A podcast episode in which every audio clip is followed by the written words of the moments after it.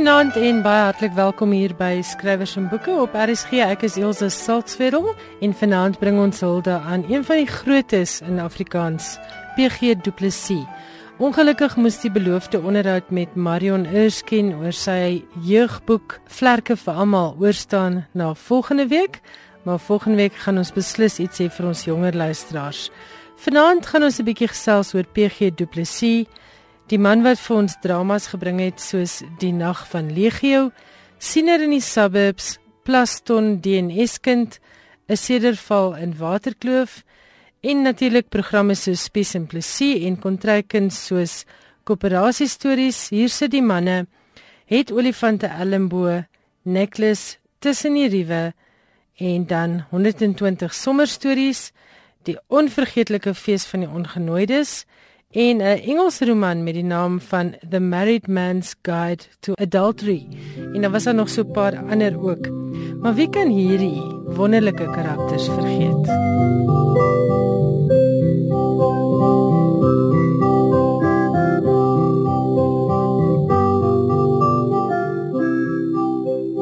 Ja, maar die mense glo nie meer nie. Dis 'n klein gelowigheid van begin tot eind. Waar geloof en die hoop en die liefde. Maar veral die geloof. Die geloof bestaan nie meer. Ja. Dis die laaste der dae sê ek vir jouself van die laaste der dae en die regverdiges is min. Jy kan hulle op die vingers van een hand tel. Maar ek skaam my vir jou genis. Maar wanneer af begin die regverdige stel dit nie. Bome word aan hulle vrugte geken.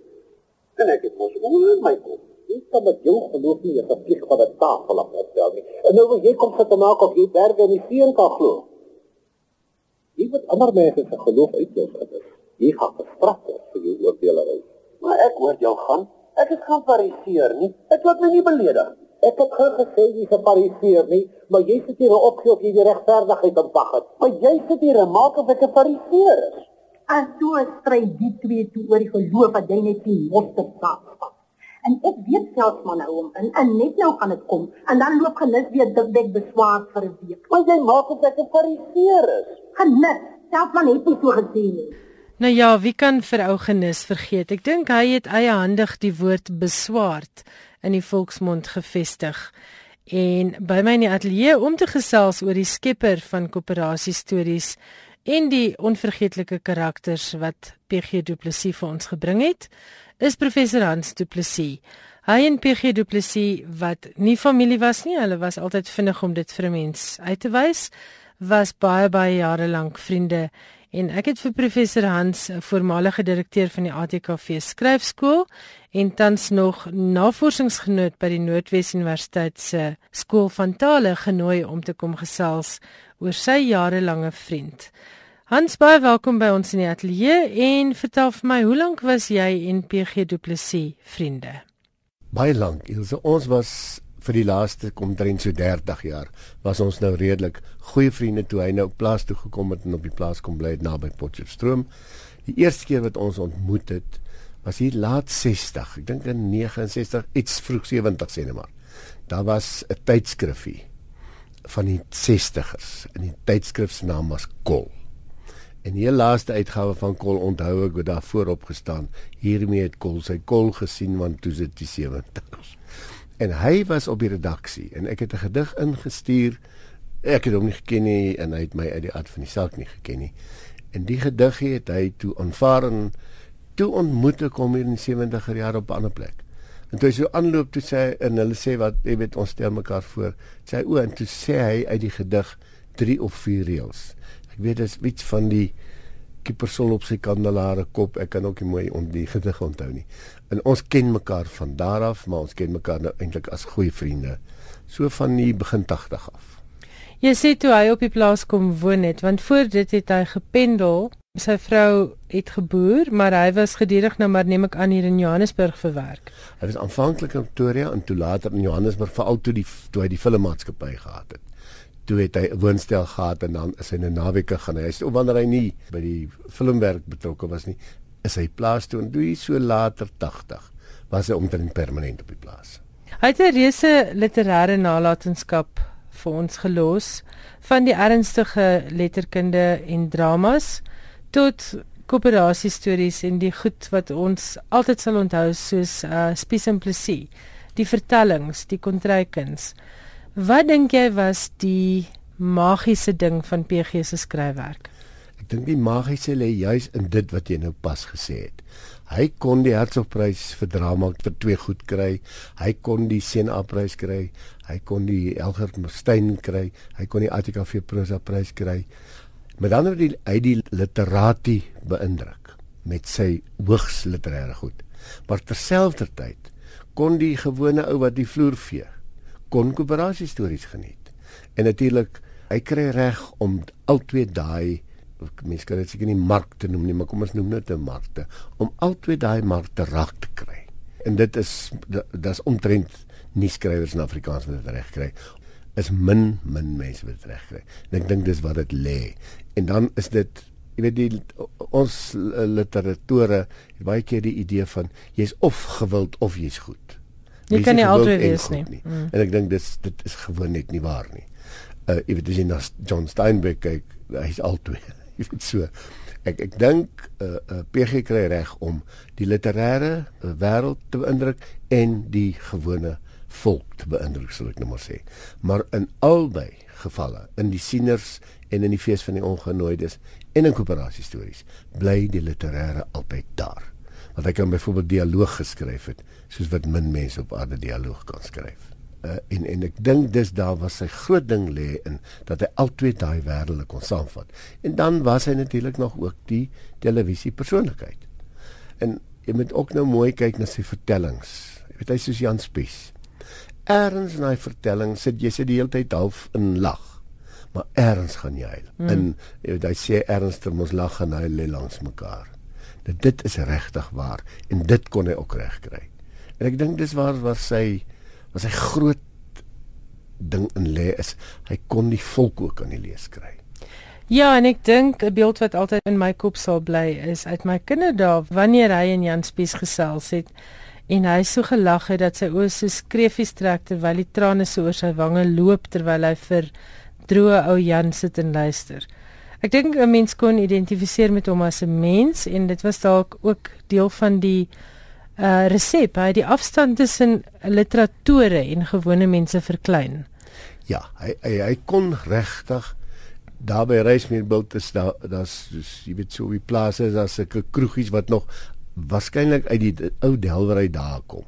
Hy kon daar met daai boere in die ouens wat inkom sit en gesels net so gemaklik soos wat hy in die universiteit se teekamer met die literatore kon gesels. En hy het met albei op dieselfde manier gesels op dieselfde manier na uh, klaar gekom. En hy het vir almal geluister hoor. En hy het mense liefgehad. Ek dink dit was waarskynlik hoekom hy so suksesvol was. Ek het hom in my hele lewe nooit 'n mens sien afkraak nie. Nooit. Maar hy was reguit. O ja, nee, nee, kyk, regheid was hy reg. ja, nee, en as hy nou eers ek, eh, ek het byvoorbeeld die heel ja, dit was seker omtrent skaars 'n maand nou gelede. Toe sê ek by hom, nou sy siek jong. En hy sit nou in die sitkamer toe was hy daarom nog hy kon nog gesit het. En toe het hy nou vir my gespot oor ek nie weet wat se ding is riewe nie. Want ek het net 'n rukkie voor dit vir hom gevra hy uit 'n boek tussen die riewe is die is die boek se naam. So ook so versameling sketse uit die delwerye uit. Dis sê ek van wat se ding is riewe? Sê hy's reefs. Jy delf tot uh, jy weet onthou daar's 'n groot verskil tussen delf en myn. Ja. Jy ja. delf tot op die riewe dan kan jy nie verder kom met 'n pik en graaf nie. En kon hy hom nou verknekel omdat as hy iemand sien dan sê hy hierdie duplisie weet nie eers wat is riewe nie. En uh, jy het 'n mooi storie vir my ook vertel van sy kritiek op Verbrande Paradys. Jy wat sielsongelukkig was omdat die uitgewers die boek nie wou aanvaar nie en wat gebeur toe toe jy vir hom daarvan vertel? Ons het nou vreeslik baie gepraat. As ek besig is met iets of hy is besig met iets, dan gesels ons sommer voor die tyd met mekaar daaroor en ek het nou oor Verbrande Paradys al met hom gepraat, maar hy het nog nie uit nie die teks gelees ooit nie. En die uitgewers bly die ding terugstuur. En dan sê ek van ek kan hierdie ouens nou nie meer verstaan nie. Hulle is so dom. Hulle kan nie verstaan dis 'n goeie boek nie. Sê nie maar hy verstaan dit. Ek sê nou kom hy sê met nie 'n storie nie. En, en natuurlik verfies ek my. Ek sê vir my jy het nie eens die boek gelees nie.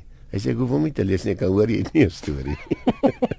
en toe praat ons oor storie en ons praat oor plot en van plot het hy my geleer. En toe het ek die goed die plot begin inskryf en regtig toe vat hulle die boek en toe publiseer hulle hom. En jy het ook gesê hy het gepraat van die narrative pool. Hy het van die narrative pool gepraat en ek wil toe nou nie dom klink nie. Want mens Want wil nie vir hom dom klink nie. Ja, nee, ek wil jy weet hy het geweet ek is hom so ek hoef ek kon geklink het soos ek wil, maar uh, oor Dan Brown het ons gepraat. En en hy het gesê Dan Brown kan nie skryf nie, maar hy het narrative pool. En dis was sy sukses nie. Nou wil ek nie sê ek weet nie wat is narrative pool nie. Jong en ek gaan en ek soek deur die biblioteek en ek vra die literatore en ek Google, ek doen alles want ek wil weet wat is narrative pool. As ek weer daar kom wil ek maak of ek geweet het. En ek kry dit net nêrens antwoord nie. En later toe een ten einde laaste sê ek vir hom nou waar kry jy wat is narrative pool? Sy het net sy pad vir hom so gesê. En dit is 'n ongelooflike term uiteindelik dat as jy mooi dink dan sal al die literatore weet hulle net nie die term Ja, jy het nie 'n naam daarvoor nie, maar dis die ding wat jou intrek in die storie. Presies. En en dis deel van die plot en dis deel van hoe hy vir jou plot verduidelik uiteindelik.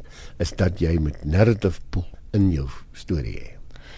En waar waar dink jy die liefde vir die taal dan nou vandaan gekom? Dit moet uit sy huis uitkom want hy het gelees van kleins af sy pa het gelees. Jy weet een ding waaroor ons altyd gepraat het ek en hy is Hy het voorin een, ek dink is nou is dit Plaston wat hy voorin nee, ek dink is in een van die vroeëre dramas staan voorin sy pa het altyd gesê die probleem met die Calviniste is hulle het nog nooit Calvin gelees nie. Hmm. En ons kon ure daaroor gesels want my probleem met akademici is dat hulle vir jou aanhaal wat Einstein gesê het maar nog nooit Einstein gelees nie. Hmm. Of wat taalkundiges vir jou verduidelik hoe Dom Chomsky is, die groot taalkundige. Maar dan het hulle nog nooit Chomsky gelees nie. Dis daai soort ding waaroor ons nogal baie gepraat het. Wat hy my geleer het is moenie praat oor iets wat jy nie regtig die wortel daarvan gelees het nie. As jy nou pas eers ingeskakel het, ek is Elsje Salzveld, hierdie is skrywer se boeke en ek gesels met professor Hans Du Plessis oor sy jarelange vriend, die dramaturg, skrywer en akademikus PG Du Plessis. Jy het 'n mooi storie vertel oor fees van die ongenooides toe ek en jy vroeër gesels het wat hy nie in Afrikaans geskryf het oorspronklik nie. Dit was geskryf as 'n Engelse TV-reeks. Met fees van die ongenooides het ek nogal jy weet ons het half saam geleef vandat hy begin het met die draaiboek. Hy het so stuk stuk vir my vertel. Ons het nie baie gereeld mekaar se manuskripte gelees nie. Want hy het gesê dis soos om geld te leen vir die familie, weet jy. maar fees van die ongenooides het hy vir my, ek dink hy was so by die tweede derde hoofstuk gegee om te lees. Toe hy nou die roman geskryf het. En ek lees maar dis Engels. En ek ek ek ry uit plastiek sê vir hoorie my, jy kan nie hierdie boek in Engels skryf nie.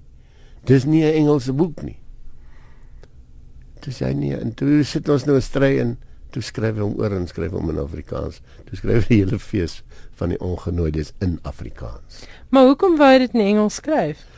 Hy was vies vir vir sekere Afrikaanse resensente wat Married Man's Guide to Adultery die Engelse roman wat ek dink misgekyk is. Mhm. Het hy swak resensies gekry by Afrikaanse resensente. Afrikaanse resensente. Ja.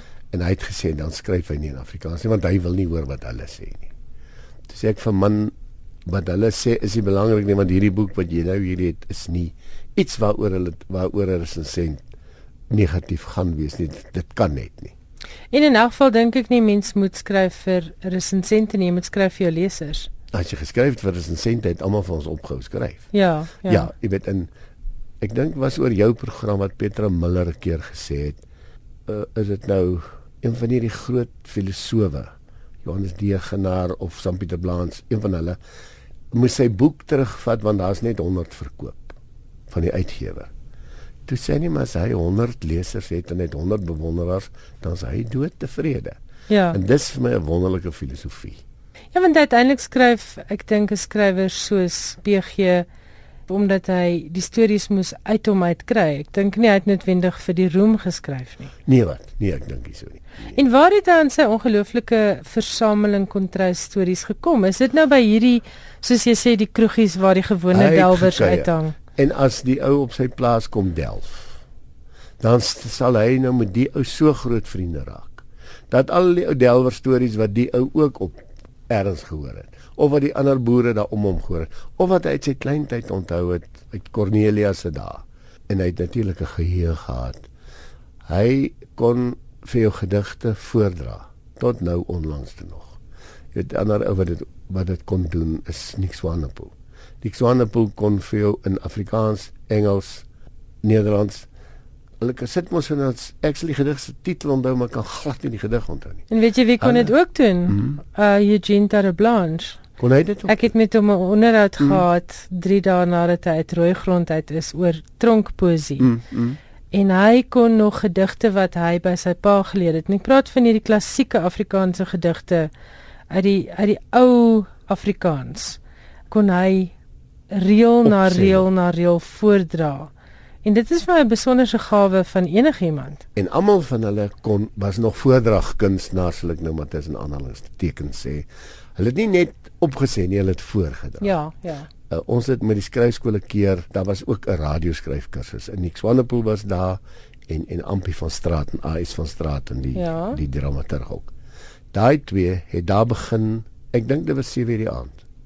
By die etenstafel het iemand gesê iets oor 'n gedig toe dit nie kom voorgedra.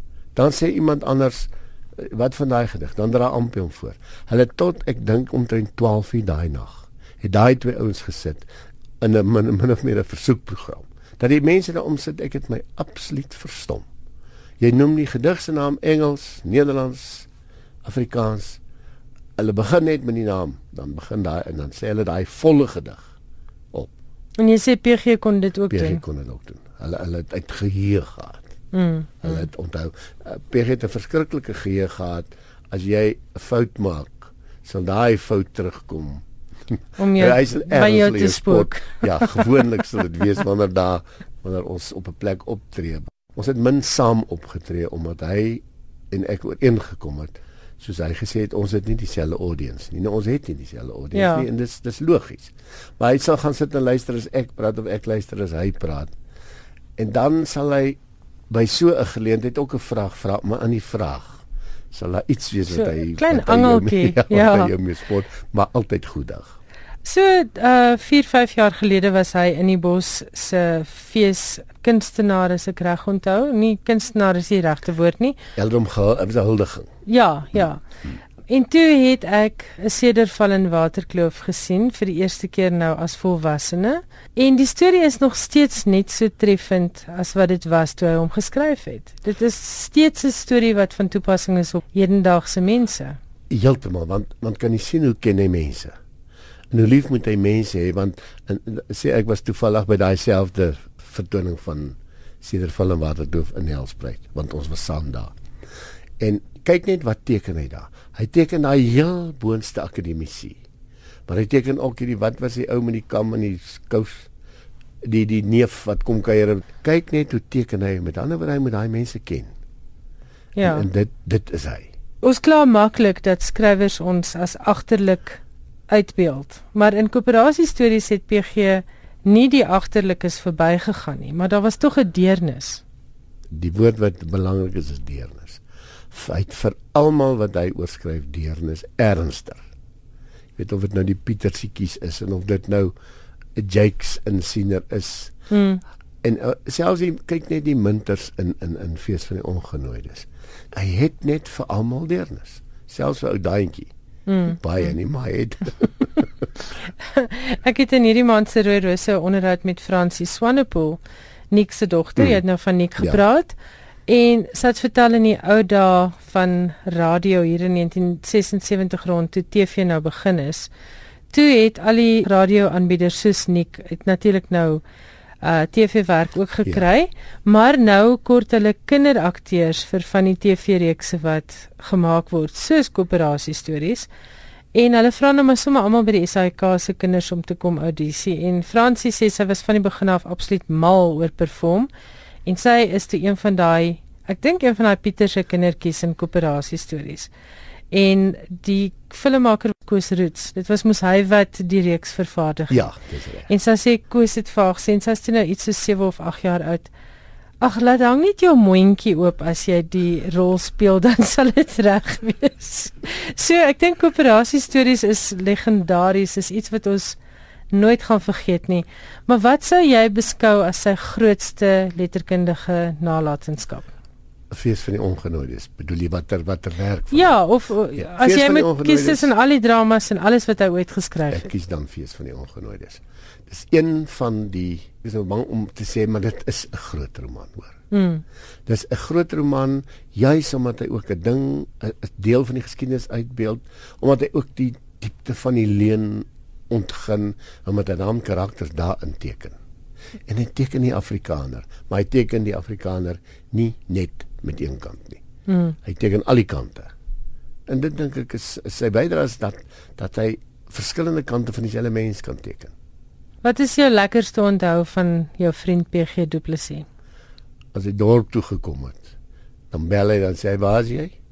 En as ek nou nie kan deur of in die klas is, maak nie regtig saak nie. Sê hy, "Hy's in die akker, hy wag en dan gaan ons koffie drink." Dan sit ons daar by akker se stoep en koffie drink en gesels en nonsens praat en elke tweede ou wat verbyloop weet natuurlik wie's hy.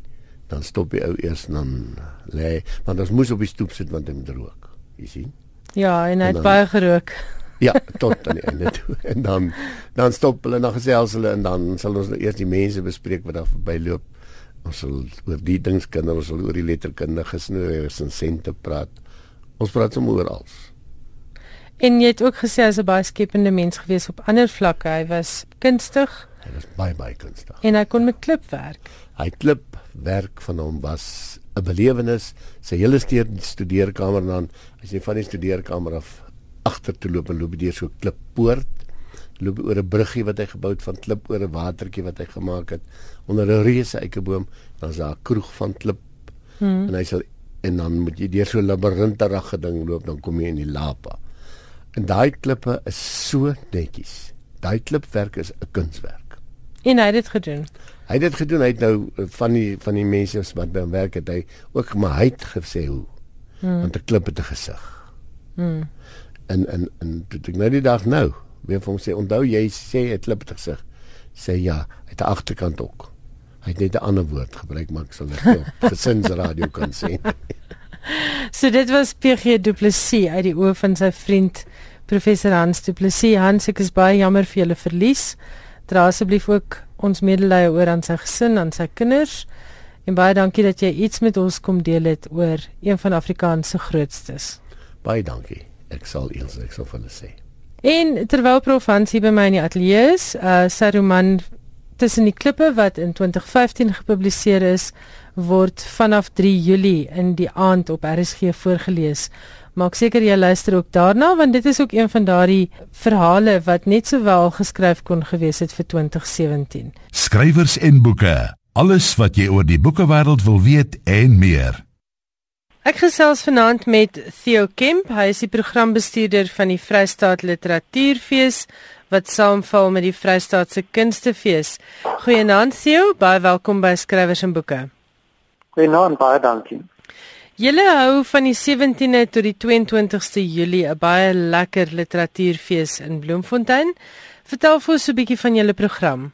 Dit is die tweede jaar dat ons die Vryheid Literatuurfees aanbied en uh, dis my wonderlike voorreg om daar betrokke te wees en ook juis oor die verskriklike goeie belangstelling wat ons kry. Die program is aansienlik groter as verlede jaar en dit bestaan uit verskillende goed van boekbekendstellings, uh, paneelbesprekings, gedigte en musiek uh, aande en uh, ook kos en woorde, jy weet so dit hele mengsel van klomp goed wat ons bymekaar sit. Nou vanjaar het ons weer 'n uh, klomp van die uitgewers wat betrokke is. Ons het byvoorbeeld na verlede jaar se baie groot sukses het ons weer 'n uh, fiksiekursus wat die baie begaafde en bekroonde Fransis Smit aanbied vir aspirant skrywers wat graag hulle vaardighede wil ontwikkel en ook Henning Pieterse wat ook met daar by die Afrikaans departement is by die Vryheid Universiteit gaan 'n poesieverswinkel aanbied So daar's al klaar vir mense 'n goeie geleentheid om hulle vaardighede te kom verder ontwikkel. Vertel ons net so 'n bietjie meer van die koste van hierdie kursus van Henning en François. Die poesieverswinkel van Henning Pieterse is R500 en dit strek oor 'n dag. Uh, dit is op die 17de Julie, dit is van 9:00 die oggend en die kursus van François Smit is R1500 en dit loop van die 18de tot die 20ste Julie. Is dit van 9:00 die oggend tot 1:00 toe. En baie van hierdie kursusse sal die aspirant-skrywers dan baie praktiese inligting ontvang en baie spesifiek werk op hulle eie skryfwerk. Goed, goed. En waar bespreek hulle? Ja, die kaartjies is te koop soos al die ander kaartjies by CompuTicket, maar navraag kan aan my gerig word. My e-pos is theo.kemp@volksblad.com. As jy enige navrae het oor hierdie kursusse of oor enige inhoud van die literatuurfees, is mense baie welkom om aan my te skryf. Goed. Vanjaar het ons 'n uh, hulde aan helde reeks uh, wat ons aanbied waar ons spesifiek kyk na skrywers wat 'n baie belangrike rol gespeel het in die letterkunde. Vanjaar is die een persoon wat ongelukkig nie verlede jaar daar kon wees nie wat net voor die fees gesterf het en dit is Adam Small. So ons is baie dankbaar dat ons vanjaar met Abraham de Vries, Abraham de Vries wat 'n wonderlike dokumentêr gedoen het oor Small se lewe. Uh die sal vertoon word en Abraham de Vries sal inleidend gesels daaroor en dan sal Fraser Berry en Daniel Berry van Trouble Echo van Adam Small se toonsetting sal hulle ook sing wat 'n uh, absolute verrassende nuwe klanke bring. Na Small se uh, oeuvre en uh, ons bring ook hulde aan uh, tot Serfontein, uh, absolute baken in die Afrikaanse letterkunde en ook natuurlik 'n Vrystater. Daar sal betrokke wees Liana Lategan wat by Nalen in Bloemfontein uh, betrokke is, as ook Susan Samuel wat ehm um, tot sy kleindogter is en Antoinette Kellerman sal van haar werke voordra uit die drama Ons mense wat so 'n paar jaar terug op die planke was. Ja. En ons bring ook hulde aan uh, Thomas Mofolo wat veral met sy klassieke roman Shaka wat in soveel tale vertaal is en daar betrokke is ehm um, Chris Swanepoel en uh, onder andere Antjie Krog En wat baie interessant is aan die program is dat die Afrikaanse vertaling en die Sesotho word direk langs mekaar geplaas. So mense sal dan ook hier baie interessant kan hoor hoe die twee tale langs mekaar opklink. Ons bring ook hulde aan Jans Rautenbach, die teatermaker. En hier sal Katinka Heinz, Martin Botha, Antia van Jaarsveld, Leon van Neerop en Henny van Koller sal oor sy belangrike bydrae tot die kunste in hierdie land uh, betrokke wees.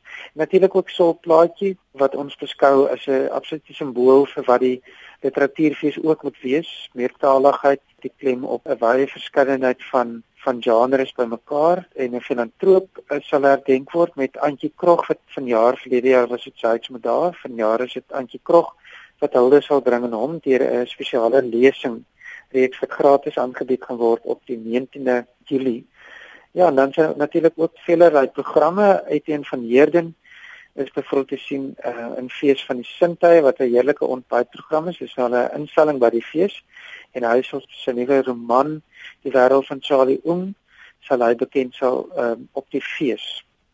Ons is ook natuurlik baie bevoorreg dat Rosa Landman vanjaar weer by die fees is om ons oggend diskoersprogramme sal sy hanteer en daar kom verskeie skrywers bymekaar in verskeie programme om te praat oor aktuelle sake. Dit is uh nie fiksieboeke wat te doen het met die stand van die demokrasie in ons land, die grondwet, Tulimansela is die rol van die openbare beskermer, Helen hulle kom maak 'n draai en dis meer. Kan Tuli daar wees?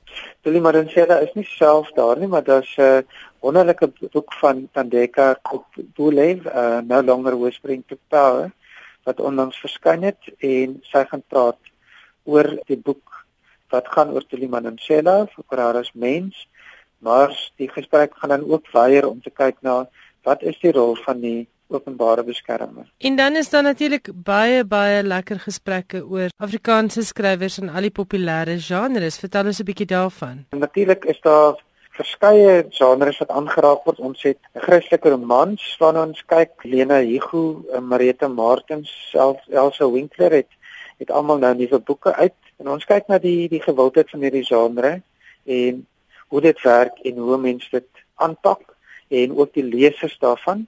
En natuurlik ook spanningsverhale. Ons het ehm um, Janet Paul, Martin Stein TV Breitenberg uh, is byvoorbeeld ook by die fees te sien en hulle gaan gesels oor hulle nuwe boeke. Ons kyk natuurlik ook in 'n ander gesprek kyk ons na hoe misdaadromans verander het na 1994 tot nou en hoe die demokrasie 'n uh, invloed gespeel het ook op hierdie genre. Vir my het boek van nou ek baie uitsien is byvoorbeeld 'n ballistiese kenner vertel en dit is Volley Volmerans met die boek 'n koorien ballistiek van wapens bloedspatsels en wonde en dit word uh, natuurlik gekyk na al die moorde en die ondersoeke uh, wat deesdae so in die nuus is. So ja, daar's uiteenlopende boeke wat op die fees gesien word. Daar's byvoorbeeld Ernst Grinding en Jackie Grobler wat kom gesels oor hulle reisboeke. Grinding wat die Camino gestap het en Jackie Grobler se boek oor berge en dale wat weer 'n soektog is na die monumente in Suid-Afrika. So daar's werklik iets vir almal. Theo, waar bespreek die mense? Mense kan bespreek by CompuTicket en die kaartjies sal natuurlik ook op kampus te koop wees voor die aanbieding. En waar kan mense na die volledige program van die Vrystaat Literatuurfees kyk? Die volledige program is beskikbaar by www.vrystaatkунstefees.co.za. Mense kan daar die die volledige program aflaai. So gesels Theo Kemp, hy is die programbestuurder van die Vrystaat Literatuurfees wat van 17 tot 22 Julie in Bloemfontein plaasvind as deel van die Vrystaat Kunstefees. As jy enige navrae het oor die program, stuur gerus vir Theo 'n e-pos. Hy is by theo.kemp@volksblad.com en die volledige program is beskikbaar by www.vrystaatkunstefees.com www.co.za en die kaartjies daarvoor natuurlik by CompuTicket. Ek is Elsje Salzwetel, hierdie skrywers en boeke en jy luister na ons hier op RSG. Nou is dit tyd vir Terrens April se reeks uit die argiewe, skrywers uit Afrika en vanaand gesels sy oor Thomas Mofolo van Lesotho. Hier is Terrens.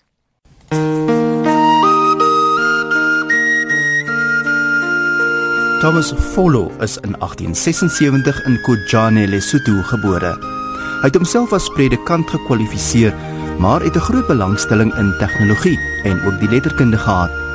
Hy het met die reg in Suid-Afrika gebots toe hy in 1937 protes aangeteken het toe sy aansoek om 'n plaas in sy buurland Suid-Afrika te koop weens politieke redes van die hand gewys is. Terug in Lesotho het Mofolo uitdrukking in sy kuns gegee aan die frustrasie wat die apartheidstelsel meegebring het. Hy sterf in 1948. Thomas Mofolo het twee romans gelewer, Traveller to the East en Shaka, wat reeds in 1931 geskryf is en vele herdrukke beleef het. Hier is die openingsreëls van die werk. South Africa is a large headland situated between two oceans, one to the east and one to the west. The nations that inhabit it are numerous and greatly varied in custom and language. Yet they easily divide themselves into three large groups.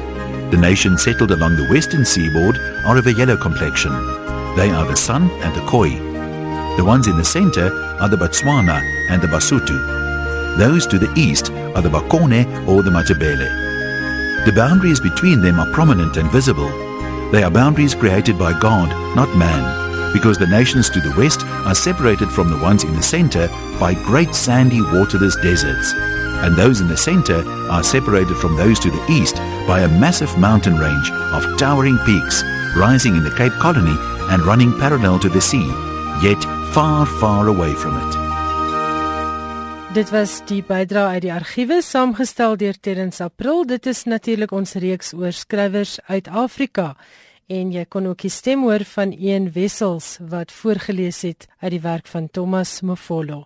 Ek is Elsje Salzwetel, hierdie is skrywers en boeke en volgende aan die beurt is Johan Meiburg met sy weeklikse insetsel oor die internasionale letterkunde.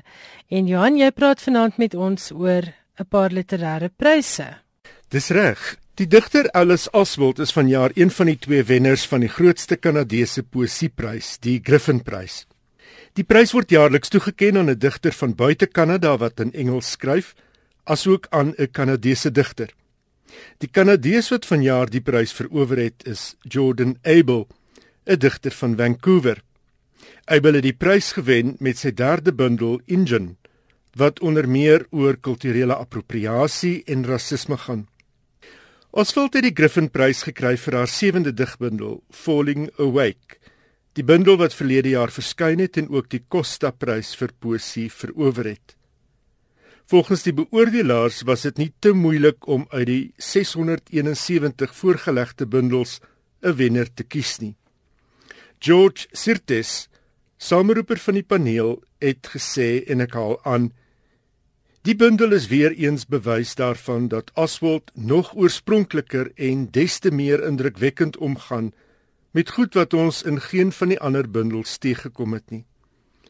Haar verkenning van die natuur en tyd maak nuwe verstaansmoontlikhede oop vir die wêreld waarin ons lewe. Oswald se debuut, The Thing in the Gapstone Style, het in 1996 verskyn. Daarvoor het sy die volgende jaar die Forward Prys vir debuutwerk gekry en is ook benoem vir die T.S. Eliot Prys. Vir haar tweede bundel, Dart van 2002, het sy wel die T.S. Eliot Prys gekry. Die Griffin Prys het in 2000 tot stand gekom en is sowat 630 000 rand werd. Falling Awake is uitgegee deur Jonathan Cape. Dis wat ek so bewonder van digters en jy's ook 'n digter, die vermoë om woorde te gebruik op 'n manier wat 'n mens nie eintlik gedink het nie. Falling Awake in teenstelling met Falling Asleep is ja. so treffend. Ja, ja, ja. En dan het jy vir ons nuus oor die Bailey's Prys. Dis reg, ja. Naomi Alderman se wetenskapfiksie roman The Power het pas die Bailey's Prys vir vroue skrywers gewen. Dis die eerste roman in die genre wat daarin kon slaag om die prys te verower. Alderman se thriller gaan oor 'n distopiese toekoms waarin vroue en meisies mans om die lewe kan bring deur middel van 'n enkele aanraking, deur middel van elektriese skokke. Die boek herinner nogal aan Margaret Atwood se Handmaid's Tale. Volgens Tessa Ross, rolprent en TV-regisseur en ook voorsitter van die beoordelaarspaneel, is die boek 'n roman wat nog klassieke status gaan bereik. Benewens die knap skryfwerk, is dit volgens die beoordelaars die manier waarop Elderman kwessies soos magsug hanteer wat die boek bo die mededingers laat uitstaan het. Die roman word beskryf as feministiese wetenskapsfiksie en volg die spoor van vier hoofkarakters: Roxy, die dogter van 'n Londense misdaadbaas, Tunde, 'n journalistiekstudent van Lagos, Ellie, 'n boerling van die suide van die FSA en Margot, 'n politikus. Alderman het in 2006 die Orange Prys vir nuwe skryfwerk gewen met haar debuut Disobedience, 'n boek oor die lesbiese dogter van 'n New Yorkse rabbi. Die raakvlakke met Atwood se werk is dalk nie so toevallig nie. Alderman het Atwood in 2012 as mentor gehad in die Rolex Mentor en Protégé Kunste Inisiatief, 'n program waarin meesters in hul veld 'n jaar lank intensief werk saam met jonger talentvolle kunstenaars. En gepraat van jonger talent, in 2014 het die jong Franse skrywer Edouard Louis met sy debuut 'n opskudding in Frankryk veroorsaak. Die autobiografiese roman is afgemaak as vergesog en selfs as 'n spul leuns. Trouwens, etlike Paryse uitgewers het sy manuskrip teruggestuur met die kommentaar dat dit nie sal verkoop nie omdat niemand die bog sal glo nie. Een uitgewer het wel besluit om die boek uit te gee en dit het 'n topverkoper geword. In 2014 het die Franse uitgawe die Pierre Guénin prys teen homofobie en vergelyke regte gekry. Die boek is reeds in 20 tale vertaal en onlangs het dit ook in Engels verskyn as The End of Eddie. Gebore in 1992 as Eddie Belgel in Alencourt in die noorde van Frankryk, het Louis arm groot geword. Sy pa was 'n fabriekswerker wat sy rug beseer het en nie langer kon werk nie. En sy ma het van tyd tot tyd gehelp met die versorging van bejaardes en so skamele inkomste verdien. Die omgewing waarin hy groot geword het, is die van werkloosheid. Kinders wat vroeg skool verlaat, vroue wat vroeg kinders in die wêreld bring en 1 uit 5 volwassenes wat moeite het om te lees en skryf. Alkoholisme is volop in geweld algemeen en is uit die gegewe dat Louis sy debuut tot stand gebring het. Dit was juis hierdie omstandighede wat vir die literêre establishment in Parys so onbekend was dat hulle dit as onmoontlik afgemaak het. Die 25-jarige Louis was die eerste een uit sy gesin wat uit die omstandighede weggebreek het en daarin geslaag het om te gaan studeer. In 2011 het hy aan die École Normale Supérieure in Parys begin studeer en in 2013 het hy sy naam amptelik verander na Edouard Louis. Die volgende jaar het sy debuut verskyn. In verlede jaar het hy sy tweede roman uitgegee. Die boek is nog nie in Engels vertaal nie en heet iets soos Geskiedenis van geweld. Maar terug by The End of Eddie.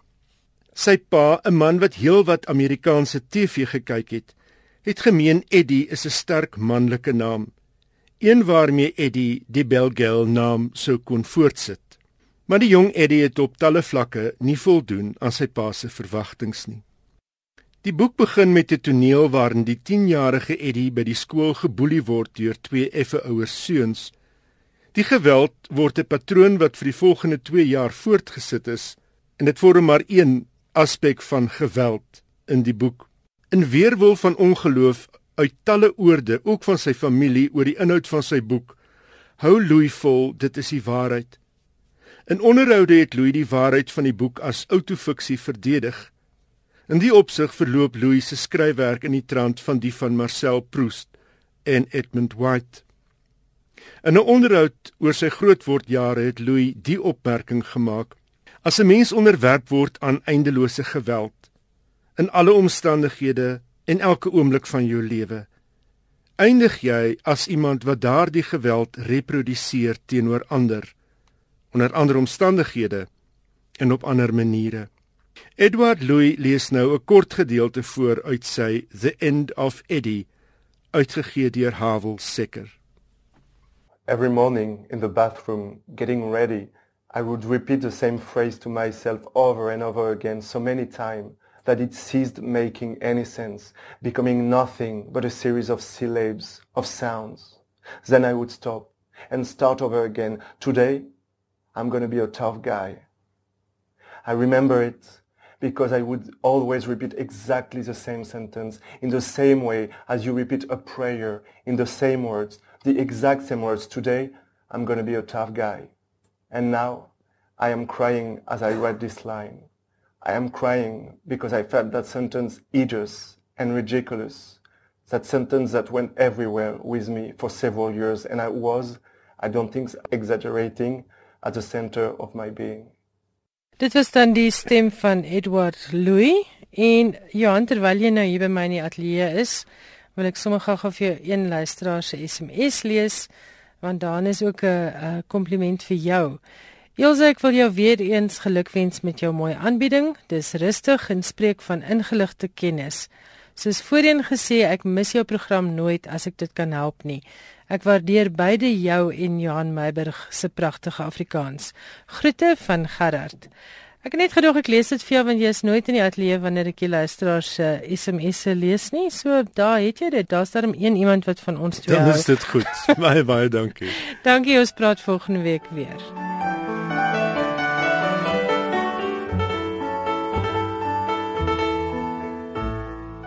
Dit was dan finansiële skrywers en boeke en as jy weer wil gaan luister na professor Hans Du Plessis se Holdeblyk aan sy vriend PG, maak gerus so dit is op ons webwerf gelaai onder ons potgoeie. Daarvoor gaan jy eenvoudig na www.rsg.co.za.